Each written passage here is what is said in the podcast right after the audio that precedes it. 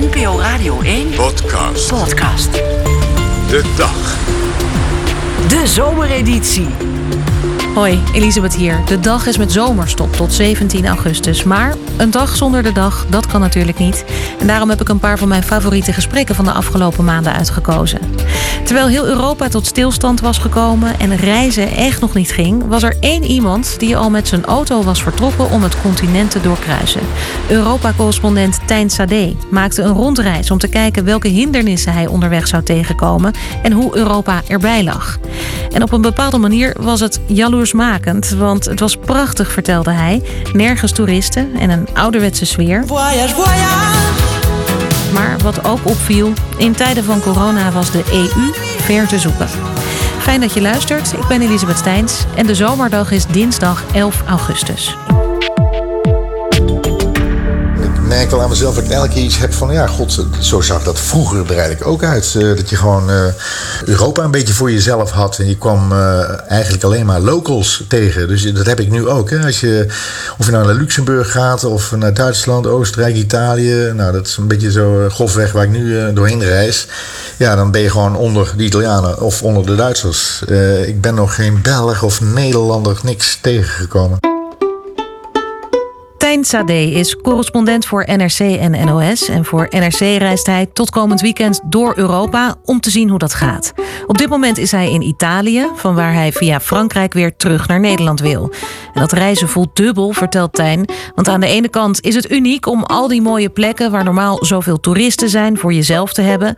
Maar aan de andere kant is het onwerkelijk om te zien hoe het continent tot stilstand is gebracht en in zekere zin terug in de tijd is geslingerd. Dat is raar, want je komt daar in dat ja, soort van paradijselijke uh, Gardameer kom je aan. Er, er, is eigenlijk bijna niks open. Ze mogen trouwens wel, hè? De, de, pensionnetjes en een restaurant die mogen sinds een paar dagen, uh, ik geloof sinds een week wel weer open. Maar dat loont gewoon nog niet. Dus het is allemaal nog uitgestorven. Er is eigenlijk niemand.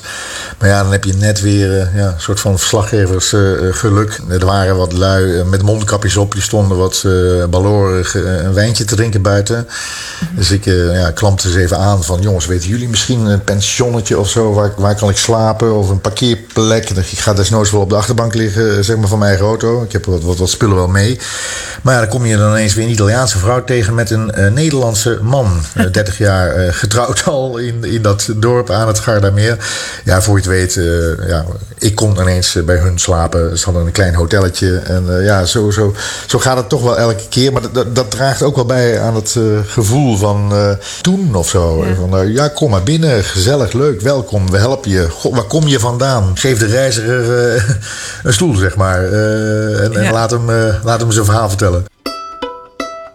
Ben je daar gekomen? Waar en hoe is de reis begonnen? Met een rare omweg, maar in ieder geval vanuit Brussel. Dat is mijn standplaats als Europa-correspondent. Ben ik naar, uh, eerst naar Luxemburg gereisd. Ja, natuurlijk Luxemburg, omdat daar het stadje aan de, de moezel Schengen ligt. Nou, daar is onze douanevrije Europese zone naar genoemd, hè, de Schengenzone. Dus dat vond ik toch wel mooi, symbolisch. Dus daar begonnen.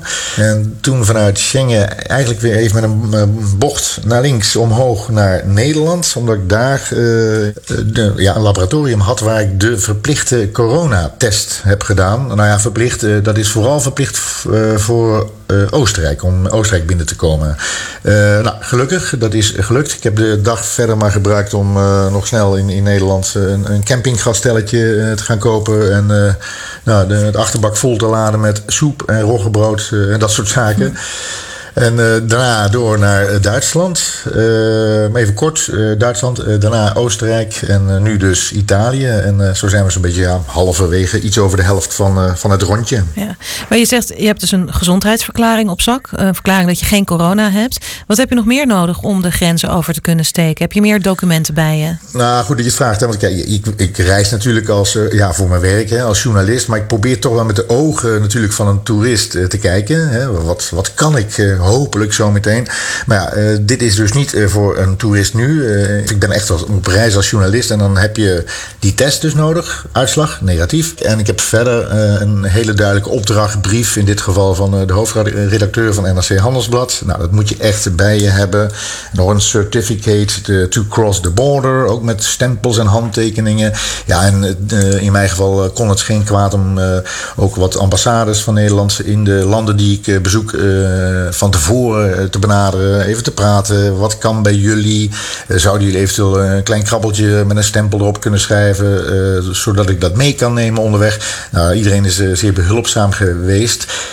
dat is toch wel nodig nog, zeker in mijn geval. Maar bijvoorbeeld mensen die ik tegenkom, die paar die dan toch wel ook voor een reis op pad zijn, daar heb ik het wel naar gevraagd. Hey, hoe kom jij hier? hoe zit dat? nou, en die lieten soortgelijke documenten zien. Dus het is echt nog ja, allemaal nodig. Maar ja, je ziet wel natuurlijk uh, met die versoepelingen die aangekondigd worden en er al zijn, uh, dat het misschien allemaal uh, ja, vrij snel gaat veranderen.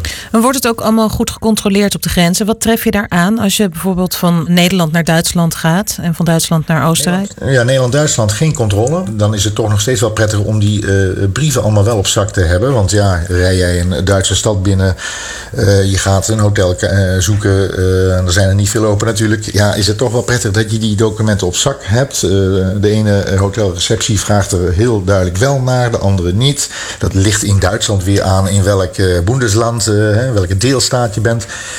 dan kom je aan de grens Duitsland-Oostenrijk. En daar was ik het meest nerveus over. Vanwege natuurlijk die, die verplichte coronatest en de verhalen. Oostenrijk is streng.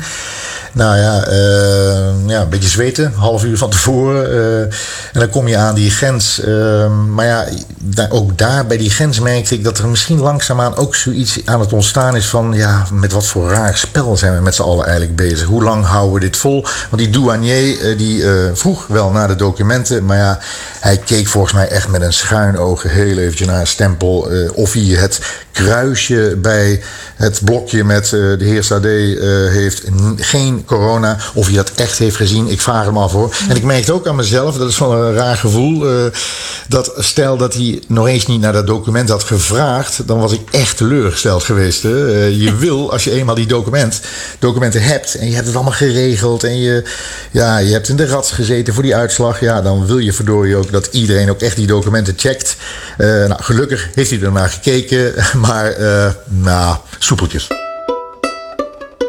totaal unieke situatie dat jij op deze manier door Europa uh, aan het reizen bent.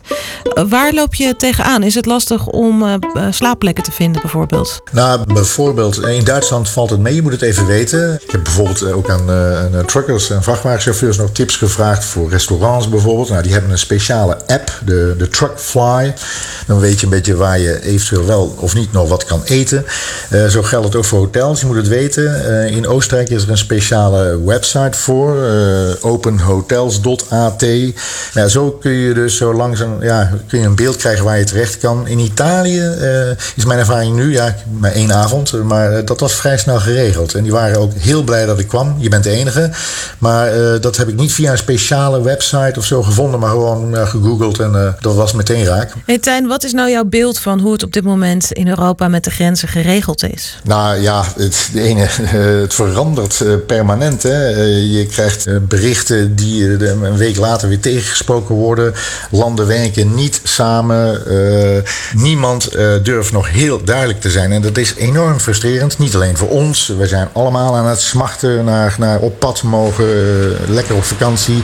Maar natuurlijk ook voor al die mensen die ja, gewoon zaken doen. En ook moeten leven van toeristen. Die, die zeggen bijna allemaal tegen me als ik ze bel als ik ze tegenkom. ja, eigenlijk in coronatijd bestaat de EU niet. Wil je de aflevering nou helemaal beluisteren? Zoek hem dan even terug. Aflevering 590 is het Roadtrip en reisbubbels. Wat er mogelijk is in Europa.